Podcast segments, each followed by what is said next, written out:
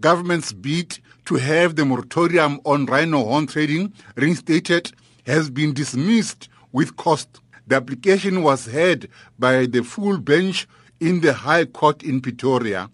It took about three hours of arguments between the disputing parties before the full bench of three judges led by Judge Francis Legodi could dismiss the application.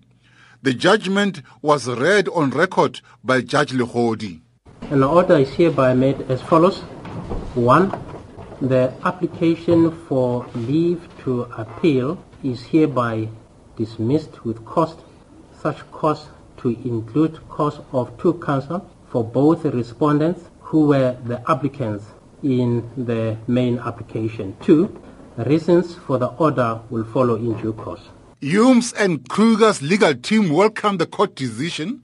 Isaac Detroit, representing Humes, says they came to court knowing that there is no way in which the government application challenging the previous judgment can succeed. I represent uh, John Hume, who's a rhino breeder, and uh, of course we're very happy um, and very satisfied with the judgment of, of again the full bench. Frankly speaking, we were expecting it. Um, the merits of the matter was quite clear.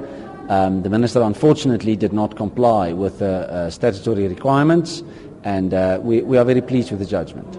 Environmental Affairs spokesperson Albi Modise says the minister Edna Molewa will wait for the court to provide her with the reasons for the dismissal of the application before commenting and deciding on the way forward.